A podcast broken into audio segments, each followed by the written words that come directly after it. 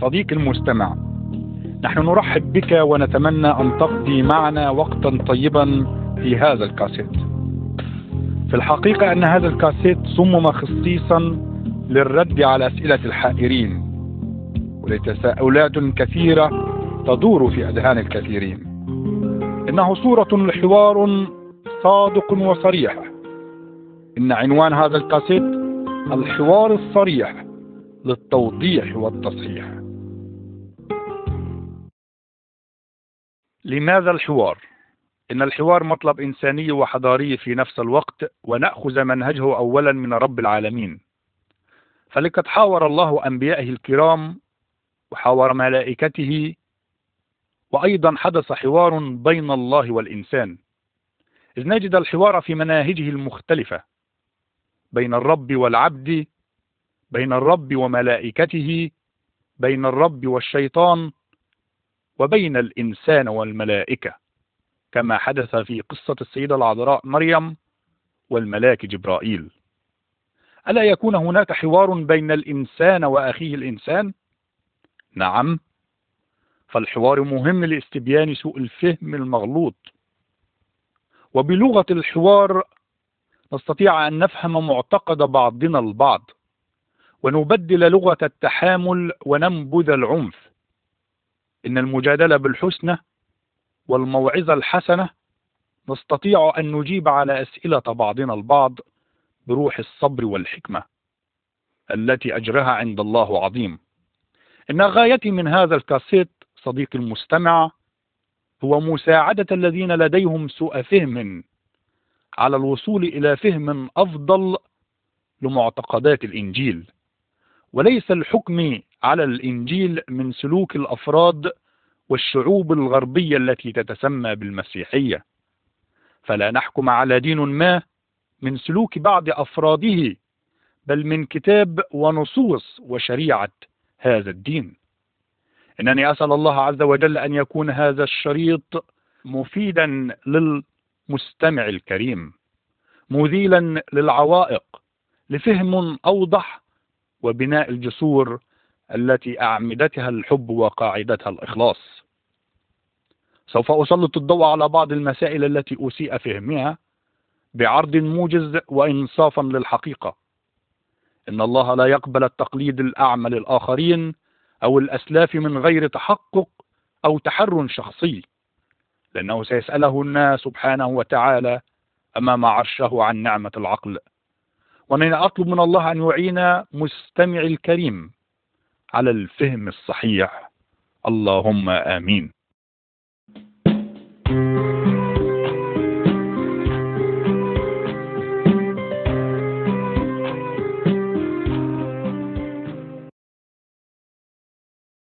ماذا عن تحريف الإنجيل؟ إنها مجرد بدعة وضلالة لتضليل عامة الناس. إننا نؤمن نحن أتباع السيد المسيح. أن الله قادر على حفظ كتبه ولا يسمح لأحد أيا كان بتغييرها. لقد قال الإنجيل السماء والأرض تذولان ولكن كلامي لا يذول. هذه آية من ضمن آيات عدة بأن الله هو الحارس لكلمته وليس الإنسان. وحينما يكون الله الحارس تبطل حراسة البشر. إنه عز وجل وعد بحفظ كلامه وتوعد من توسوس له نفسه بتغيير كلمته. نعم إن من يقول إن الإنجيل أو التوراة تحرفوا فها هو يتهم الله بالتقصير والضعف؟ تعالى الله عما يقولون. إذ أن الله حافظ كلامه إلى يوم الدين. إن دعوة التحريف صديق المستمع تسقط مبدأ الاتكال والثقة في الله والائتمان إليه.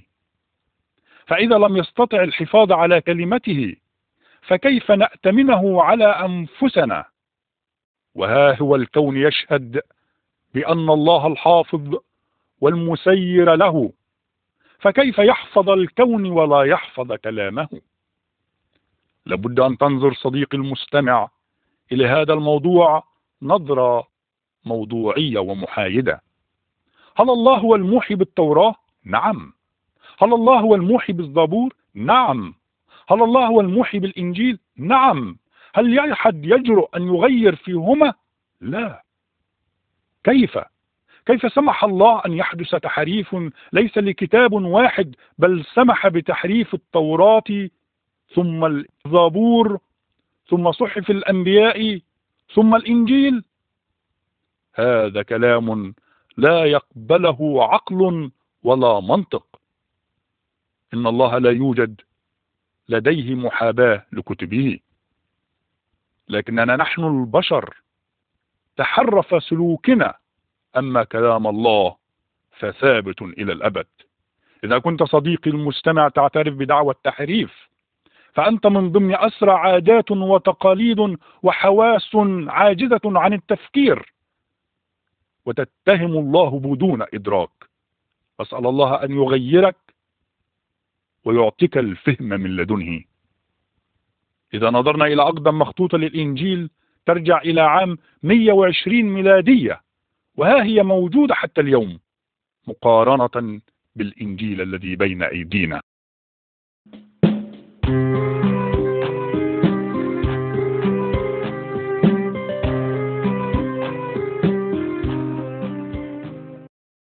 ماذا عن الترجمات المختلفة للإنجيل؟ لقد شاء الله عز وجل أن يكتب الإنجيل باللغة اليونانية التي كانت لغة العلم والفلسفة في الإمبراطورية الرومانية واسعة الأرجاء في ذلك الوقت. لذا ترجم الإنجيل إلى لغات عدة من اللغة اليونانية حتى يتسنى للبشر أجمعين قراءته بلغتهم الأم لئلا يكون عذرا للإنسان أمام الله. لذا ما نشاهده اليوم ما هو إلا ترجمة معاني الإنجيل. قد يروع البعض بوجود ترجمات عدة لتنقيح واستخلاص المعنى فالترجمة تتطور بتطور اللغة ومصطلحاتها ولكن المعنى واحد. وهذا متفق عليه في علم اللغة والترجمات لذا نجد الأصل واحد ولكن الترجمات عدة.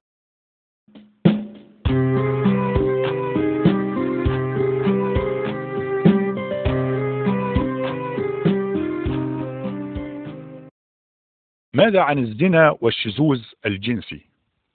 إن سلوك المسيحيين الإسميين سبب ارتباك لكثير من الناس في العقيدة الإنجيلية.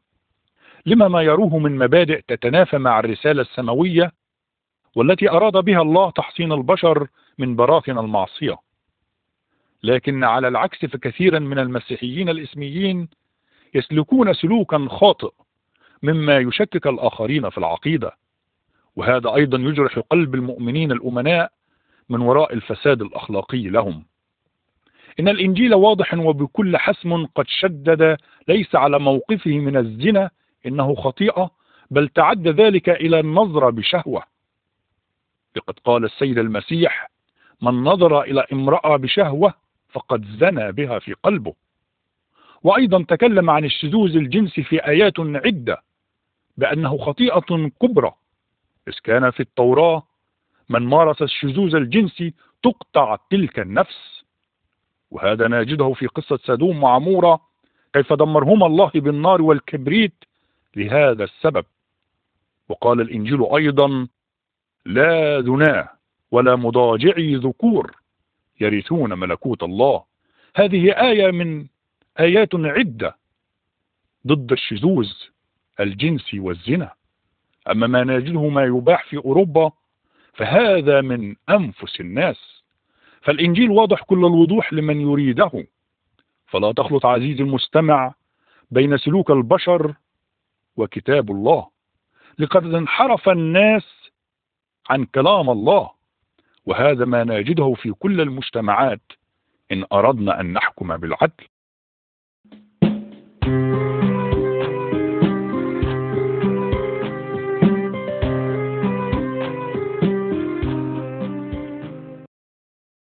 ماذا عن شرب الخمر وحانات الرقص؟ يعتقد الكثير من الناس أن الإنجيل أباح السكر بالخمر وحانات الرقص لما ما يجدونه في أوروبا. لكن الإنجيل وبخ من يقومون باللهو والسكر بالخمر. إذ قال الإنجيل لا تسكروا بالخمر ففيه الخلاعة بل امتلأوا بروح الله. وهناك آية أخرى تقول ولا سكيرون يرثون ملكوت الله. إن الخمر مستهزأة ومن يشربها يكون مستهزئا. لكن الناس يفعلون من أنفسهم ما يروق لهم. فالإنسان عاصي ولا نحمل هذا على كتاب الله الإنجيل. إذ قد شدد الله في كتابه لا تكن بين شاربي الخمر. فلا تحكم أو تخلط عزيزي المستمع بين سلوك البشر وكلام الله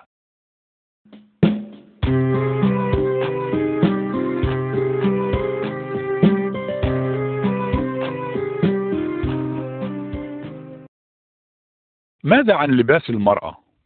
يعتقد الكثيرون أن المسيحية تدعو للتبرج والعري كما يشاهد في أوروبا أو عبر القنوات الفضائية أو المجلات الفاضحة وبجهل ينسبون هؤلاء الناس مسيحيون لانتمائهم العرقي للمسيحية ولكن القلب فبعيدا تماما عن تعاليم الإنجيل. إذ يقول الإنجيل في هذا الصدد لتلبس نساءكم لباس الحشمة لا تكن زينتكن الخارجية بضفر اللآل أو ذهب بل زينة القلب الداخلية. هذه آية من ضمن آيات عدة. وهناك آية أخرى تقول لتلبس نساءكم لباس فيه حياء ووقار. فالمسيحية بريئة تماما مما يحدث في أوروبا أو من سلوك المسيحيين الإسميين إذ قد شدد الإنجيل على لباس الحشمة.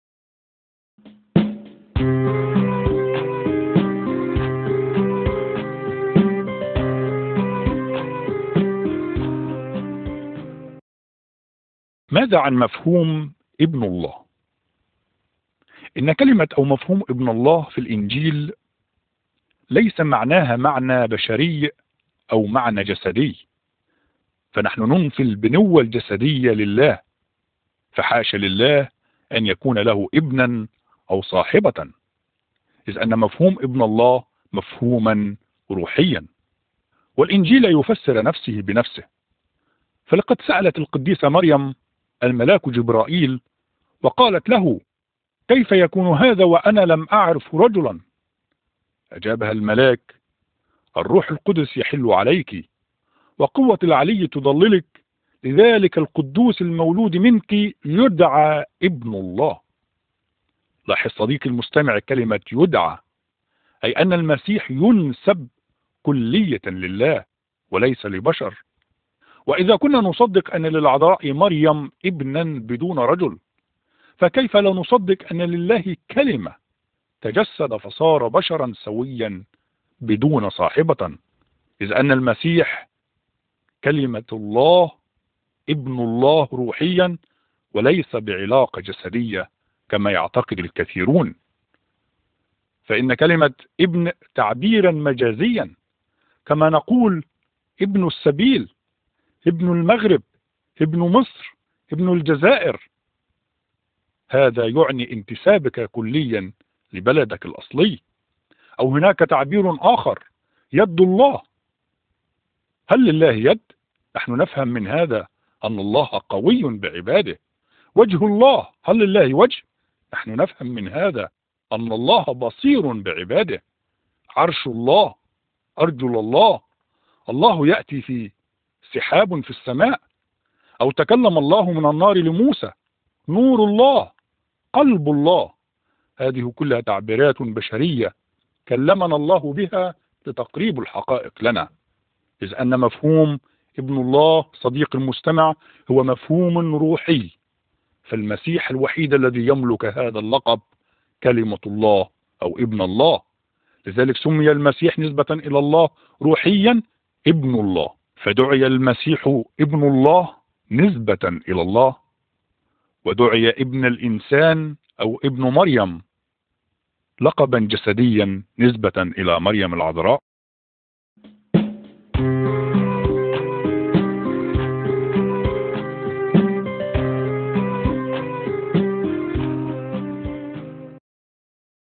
ماذا عن الصور والتماثيل في الكنائس؟ إن بعضا من الناس يعتقدون أن المسيحية تدعو إلى عبادة الصور والتماثيل كما يشاهدون أحيانا في أوروبا. لابد أن أوضح لك صديقي المستمع كلمة كنيسة. إن كلمة كنيسة هي كلمة يونانية الأصل معربة ومعناها جماعة مؤمنين. إذا الكنيسة ليست مبنى بأبواب وتماثيل بل قلوب ونفوس كرست حياتها للرب الإله. أما ما يوجد اليوم خاصة في المذهب الكاثوليكي من صور وتماثيل فهذا منافي لتعليم الإنجيل وما هو إلا تقاليد اتبعها الناس. لقد قال الله عز وجل لا تصنع لك تمثالا منحوتا صورة ما ممن في السماء من فوق وما على الأرض من تحت لا تسجد لهن ولا تعبدهن للرب إلهك تسجد وإياه وحده تعبد. وآية أخرى تقول ولا عبدت أصنام يرثون ملكوت الله. إذا الإنجيل واضح كل الوضوح. صديق المستمع بأنه لا أصنام ولا صور ولا تماثيل. لقد ذكرت قصة عن يوحنا أحد حواري المسيح. أراد أن يسجد للملاك حينما أتاه برسالة من السماء. ولكن الملاك قال له انظر قم فأنا عبد معك. اسجد لله. فالسجود الحقيقي لله ولا لصورة ولا تمثال.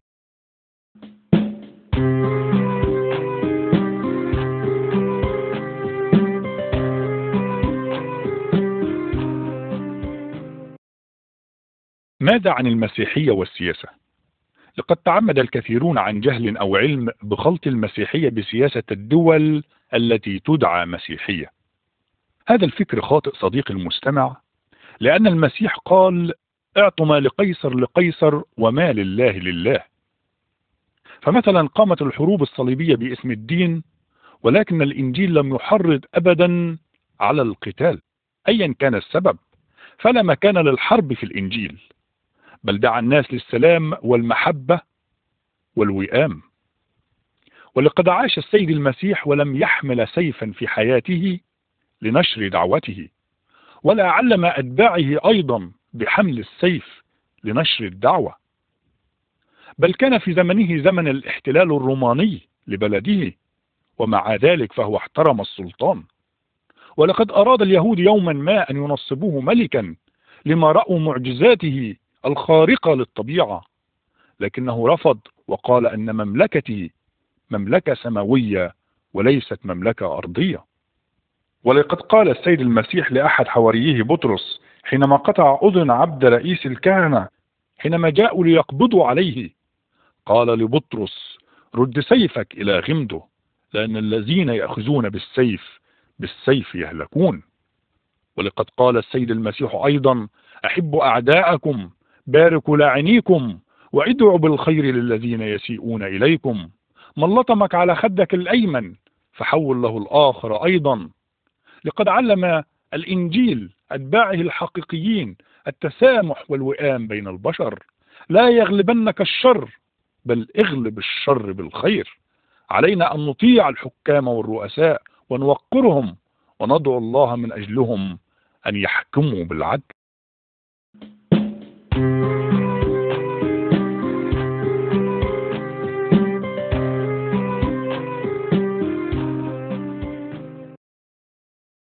عن الرهبنة وعدم زواج القسيسين؟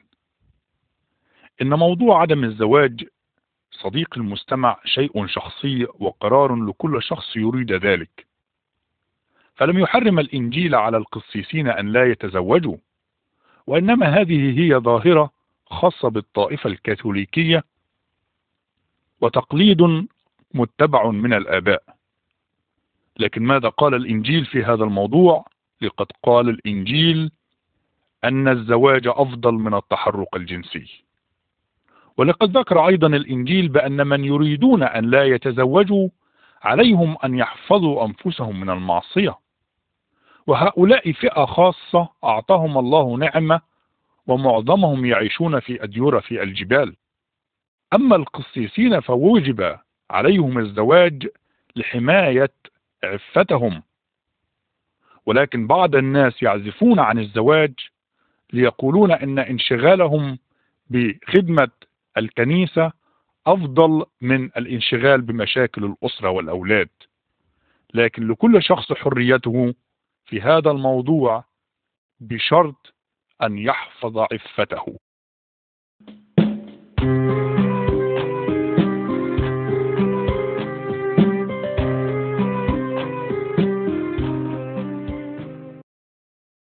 يتساءل الكثيرون أيضا ماذا عن عدم زواج المسيح؟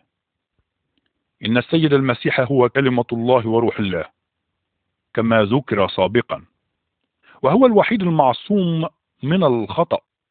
فهو لم يولد بحال البشر وبرغم أنه كان إنسانا كاملا إلا أنه لم يحتاج إلى الزواج.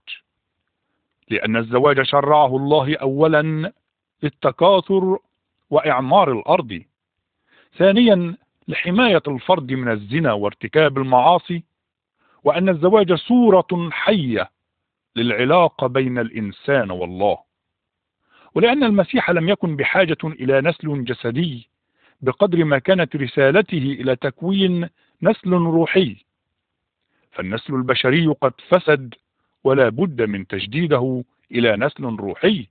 يعبد الله بالحق والروح.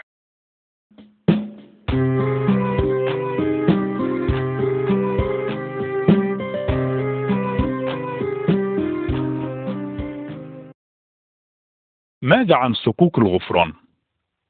يعتقد كثيرا من الناس أن رجال الدين لهم سلطة روحية على الناس ويغفرون خطاياهم.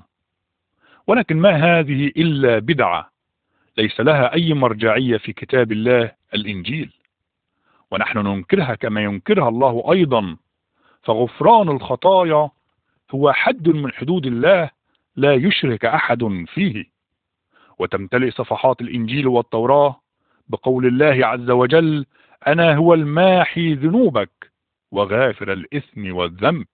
لذا ما يحدث من أفراد أو جماعات لا نربطه بكلام الله نتيجة تأويل فاسد ولا ننسبه إلى الإنجيل. فالإنجيل بريء من كل هذا براءة الذئب من دم ابن يعقوب. فالله وحده يغفر الخطايا وليس بأحد غير الخلاص.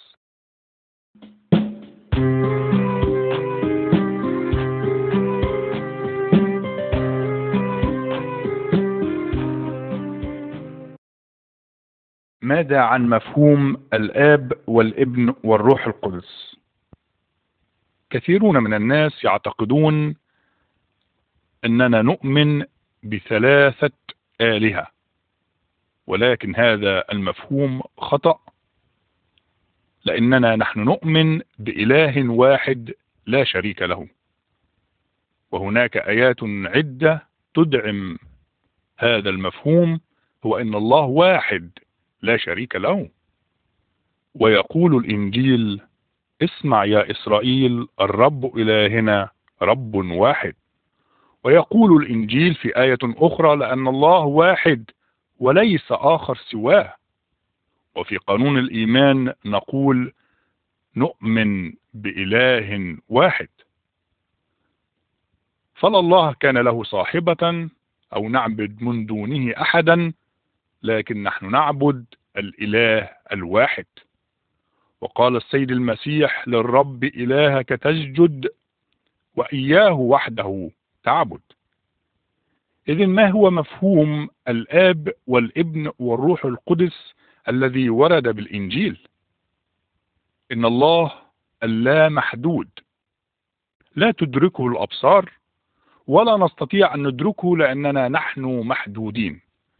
فالمحدود لا يمكن أن يفهم اللا محدود لذا كشف الله عن نفسه بأنه الآب والابن والروح القدس الإله الواحد.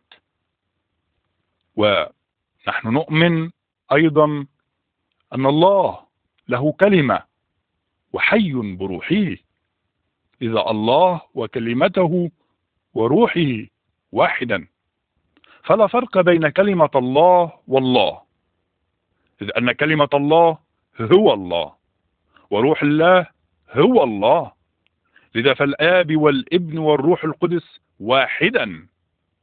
نحن لا نؤمن بثلاثة آلهة لكن إله واحد. أما الكلمة فهو الابن الذي تجسد أخذ شكل بشر جاء إلى الأرض وهو الذي قام بدور الفداء. ولذا رأينا الله في صورة الابن كلمته والروح القدس هو روح الله الروح المحيي الذي يعمل في النفوس الآن كعمل الضمير يبكت الإنسان على خطية على بر على دينونة. فالثلاثة واحدا الله الرحمن الرحيم واحدا. وأقرب تشبيه لهذا صديق المستمع لكي نفهم هذا المفهوم الذي هو فوق إدراك العقل. أنت روح ونفس وجسد ولكنك واحد. والماء له صورا ثلاث صلب وبخار وسائل ولكنه واحد. وأنت قد تكون أبا وجدا وخالا ولكنك واحد. والزمن ماضي وحاضر ومستقبل لكنه واحد. وعد على ذلك أمثلة تشبيهية إنجاز التعبير. إذا نحن نؤمن بأن الله واحد وحدانية منزهة عن الشرك فريدة في جوهرها. لقد تكلم الله أيضا بصيغة الجمع صديق المستمع.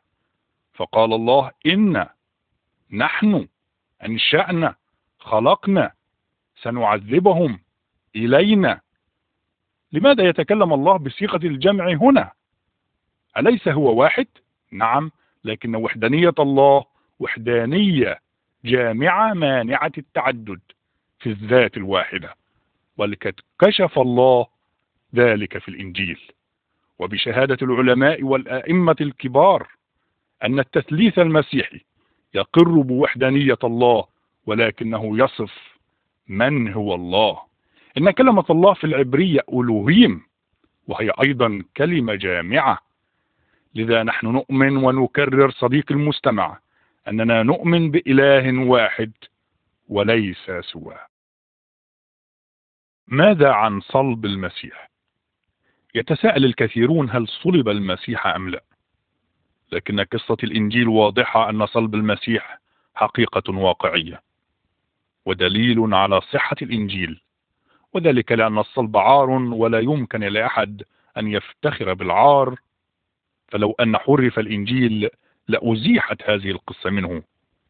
لكن هذه القصة شاهدة حية وسنسرد السبب في صلب المسيح. إن صديق المستمع حينما خلق الله الإنسان وضعه في جنة عدن وقال لهم كلوا من كل شجر الجنة ما عدا هذه الشجرة المحرمة.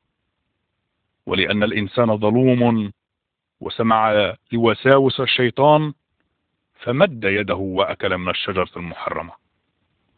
وقانون الله أن أجرة الخطية هي موت والمقصود بالموت هنا هو الموت الجسدي والموت الروحي والموت الأدبي. الموت الجسدي هو فناء الإنسان جسديا الموت الروحي هو فناء الإنسان روحيا في جهنم. أما الموت الأدبي فهو انفصال الإنسان عن الله والشركة معه. لذا طرد الإنسان من الجنة. طرد آدم من الجنة. لماذا؟ خطيئة واحدة أخرجت آدم من الجنة؟ ماذا عنا نحن اليوم؟ كم من المعاصي نخطئ في حق الله يوميا؟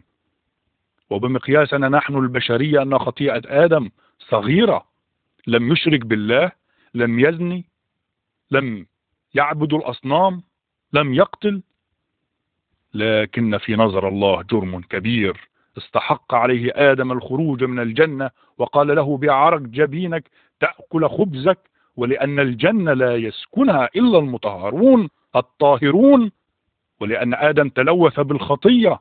فلا يمكن أن يسكن الجنة. وفي محضر الله دائما القداسة ولأن الله عادل وغفور رحيم. لذا كان لابد من رحمة الإنسان. برغم أن آدم اعترف بذنبه لكن الله لم يرجعه الجنة مرة أخرى صديق المستمع. لماذا؟ لأن الله شديد العقاب أيضا. إذن كيف يساوي الله بين رحمته وعدله؟ فلا يمكن لله أن يمرر الخطيئة دون عقاب. إذن كان لابد من هناك طريق الفداء والتضحية. لذا شرع الله للأنبياء القدام الوصايا والقوانين ولكن عجز الإنسان عن تتميم هذه الوصايا والقوانين ولأن الذي يخطئ في واحدة فكأنه أخطأ في الكل ولا يمكن لأعمال الإنسان أن ترد غضب الله عنه. لا يمكن للإنسان مهما أن صلى وزكى وصدق أن يسدد عدل الله لأن الحسنات أقل من من السيئات وسيئات البشر أكثر من الحسنات في الميزان. فلا يمكن من طريق للفوز بالجنة. ليست الأعمال تدخلنا إلى الجنة ولا الصلوات ولا الصدقات لأننا عاجزون تماما. لكن من رحمة الله عز وجل صنع طريق الفدية والكفارة لأنه يعرف أن الإنسان ضعيف.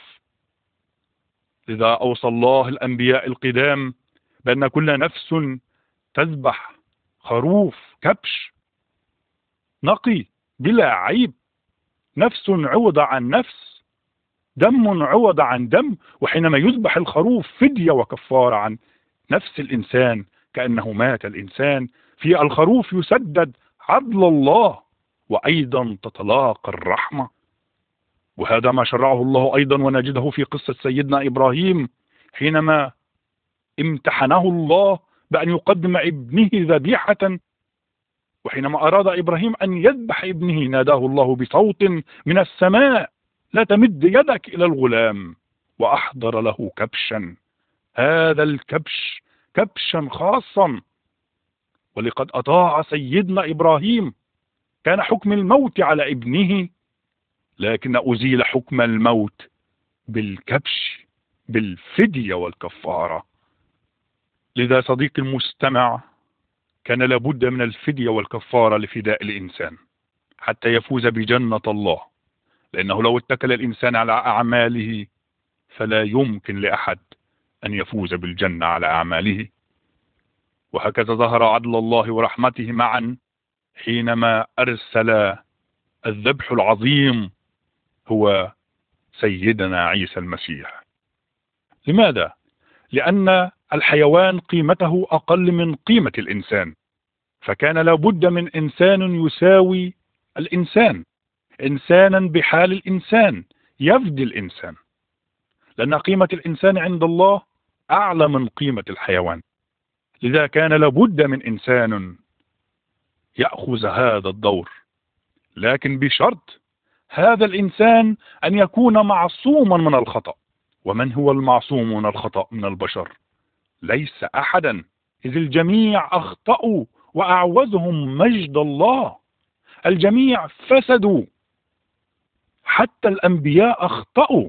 إن الأنبياء كانوا معصومين من الخطأ فقط في تلقي الوحي. فكان لابد يأتي من عند الله حتى يكون معصوما من الخطأ. لأن الوحيد المعصوم من الخطأ الله عز وجل والذي يأتي من عند الله فهو كالله. يحمل صفات الله.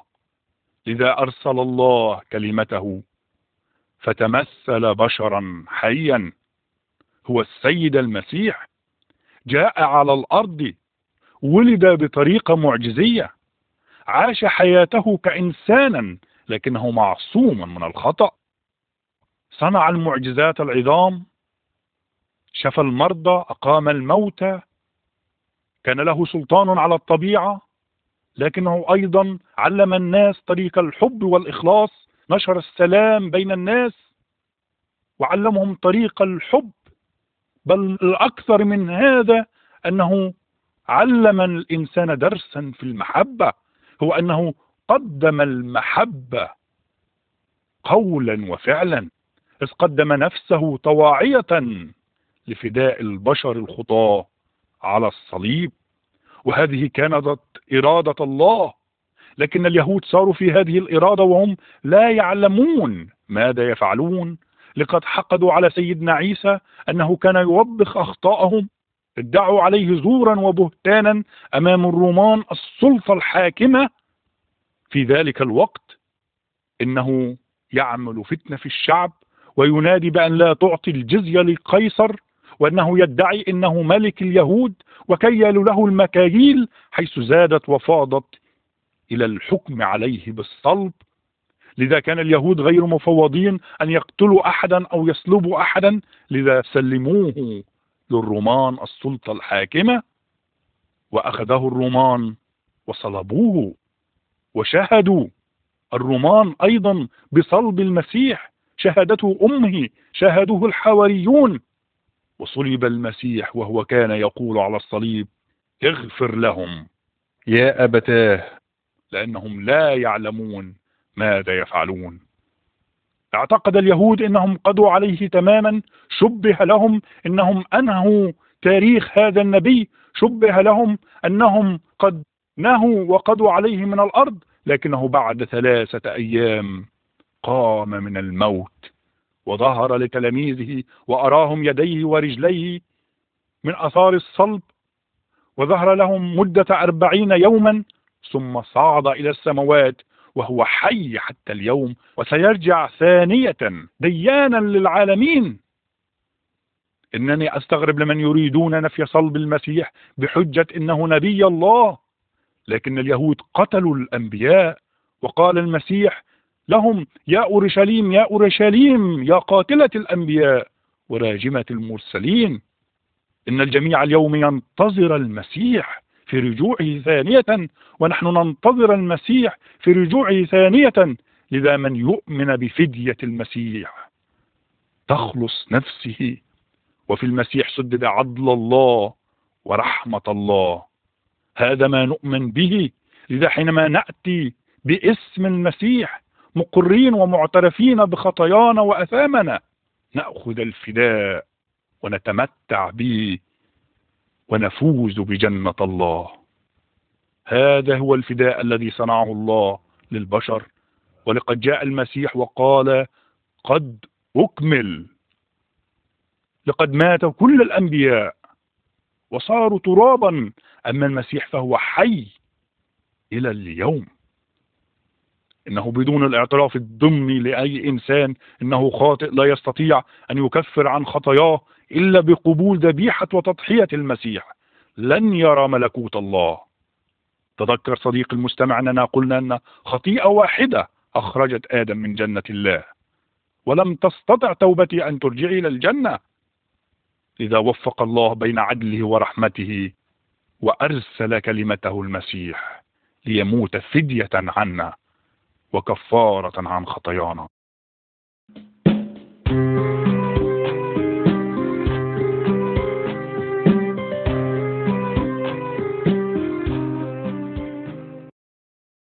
ماذا عن الصلاة والصيام؟ يتساءل كثيرون أيضا هل هناك صلاة وصيام في المسيحية؟ نعم إن الصلاة ركن هام من أركان الدين العظمى لأن بواسطتها يقترب المرء من الله كطفل يقترب من أبيه يلتمس حاجته والصلاة ترجمان قلب الإنسان يعبر بها عما يخالجه من عواطف ومشاكل وأحزان الدنيا.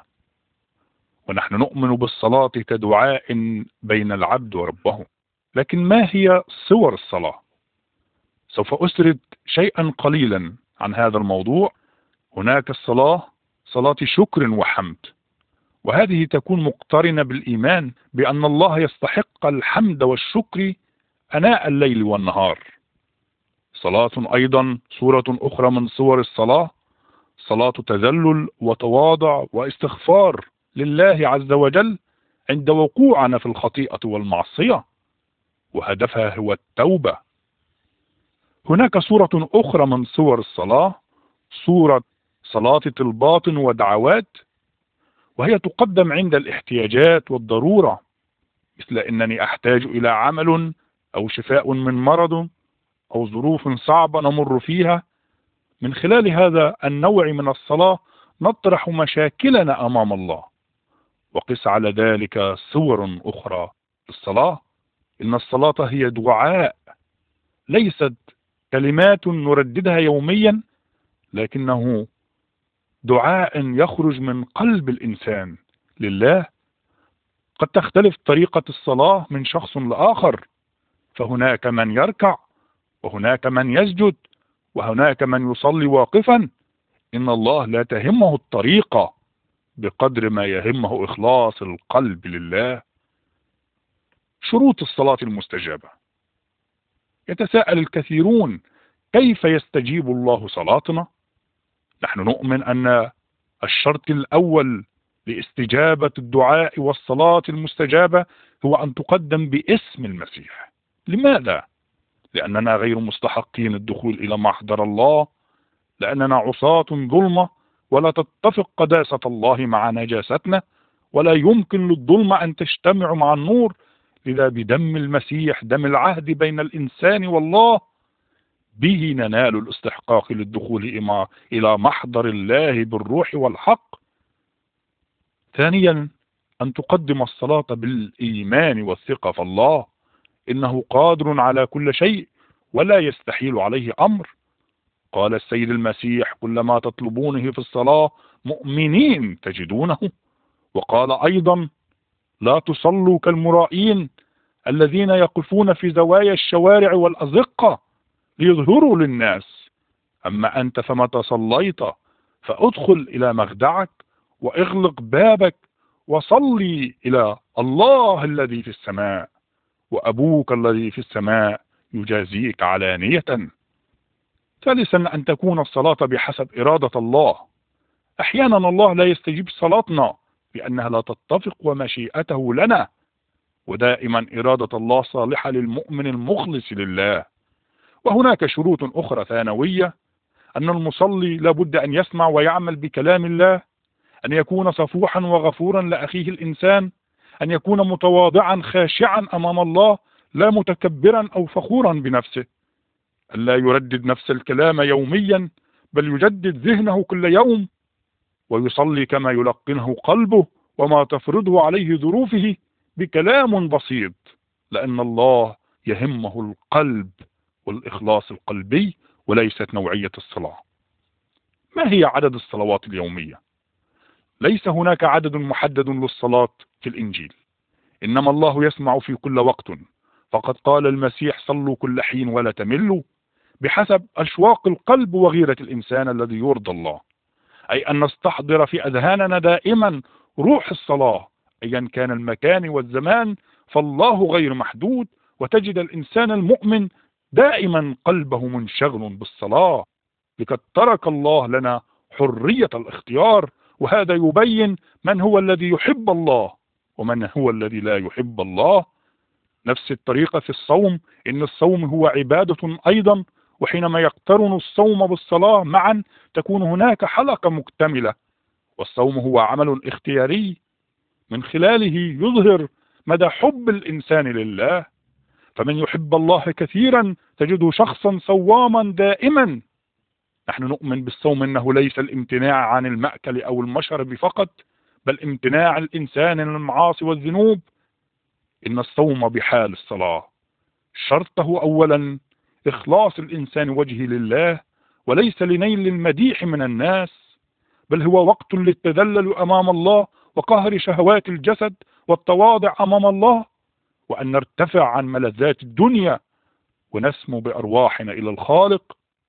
إننا نصوم أيضا حينما نريد أن نجدد العهد مع الله حينما نقع في معصية أو خطأ.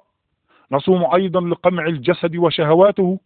نصوم أيضا كوسيلة للتقرب أكثر لله والتقوية الروح على الجسد. ما هو عدد أيام الصيام؟ إن الصيام متروكا لمعرفة ما هو مدى حب العبد للرب.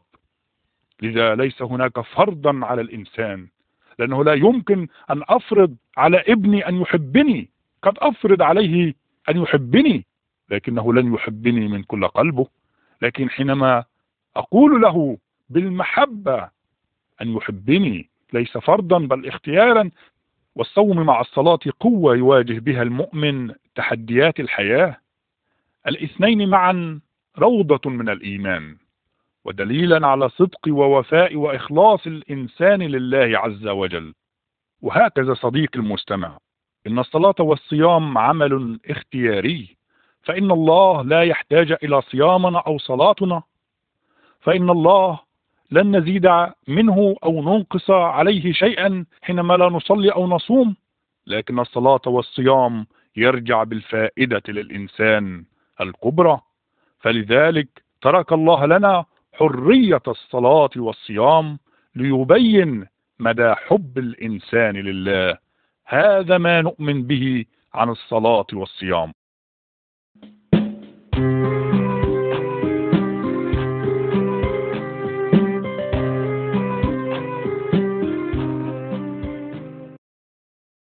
ماذا عن أكل لحم الخنزير؟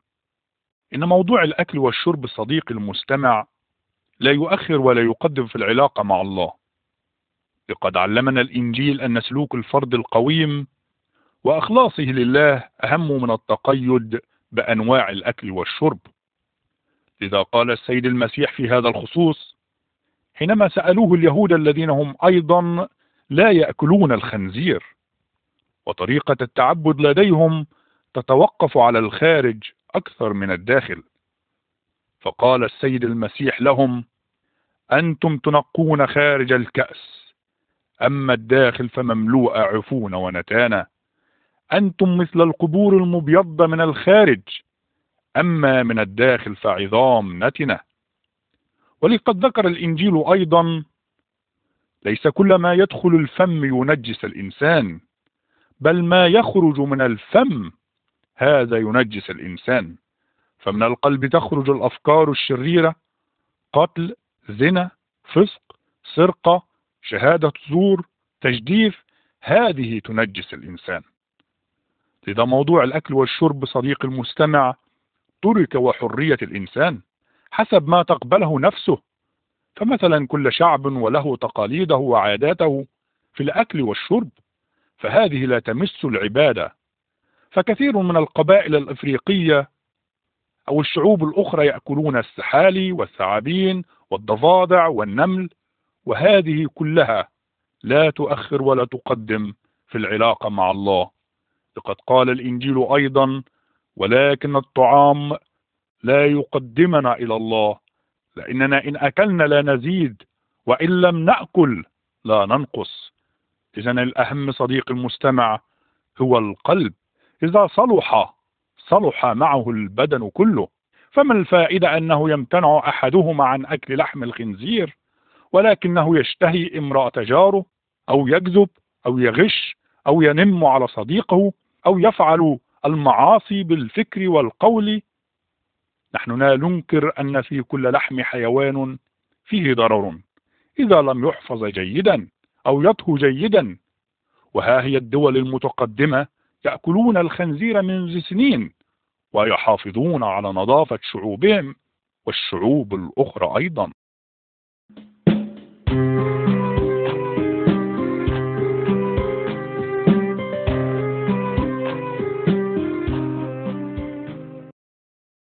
ماذا عن الجنة ويوم الحساب؟ نحن نؤمن بالجنة ونؤمن بيوم الحساب يوم الدينونة الذي فيه سيحاسب الله كل نفس.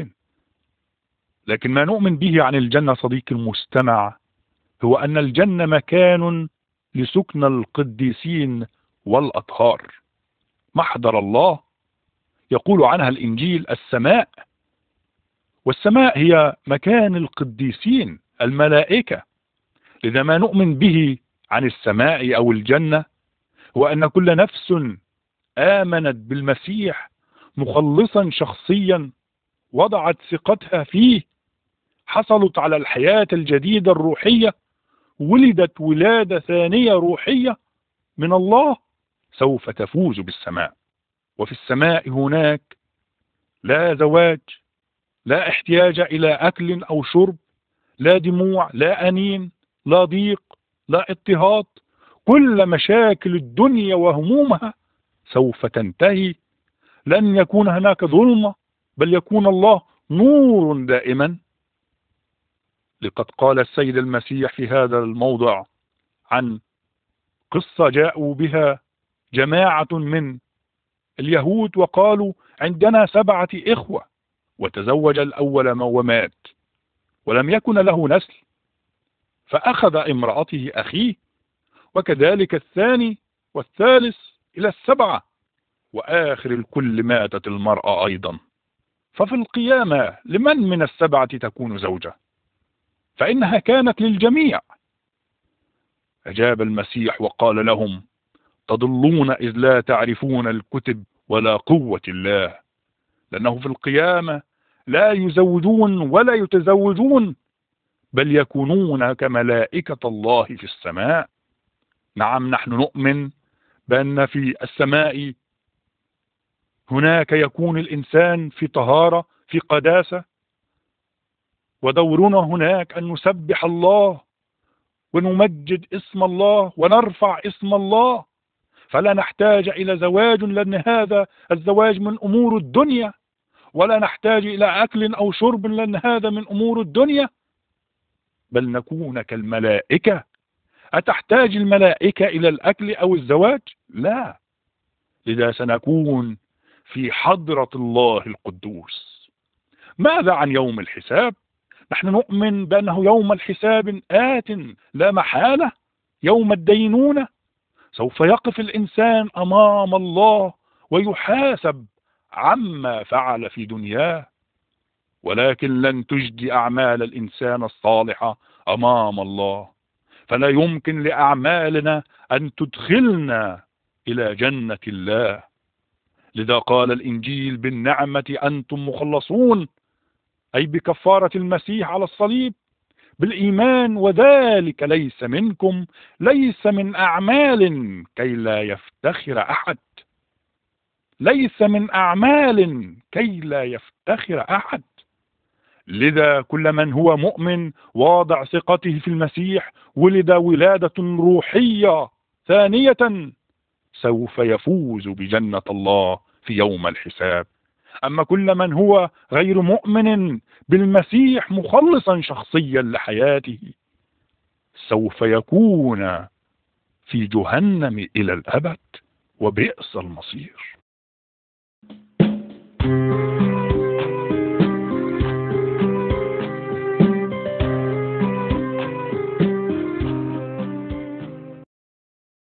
صديقي المستمع أشكرك لسماعك هذا الكاسيت وأتمنى لك أوقاتا سعيدة وفي حفظ الله. لكن إذا كان لديك أي أسئلة أو استفسارات يمكنك الكتابة إلينا فلا تتردد في الكتابة إلينا وإطرح تساؤلاتك.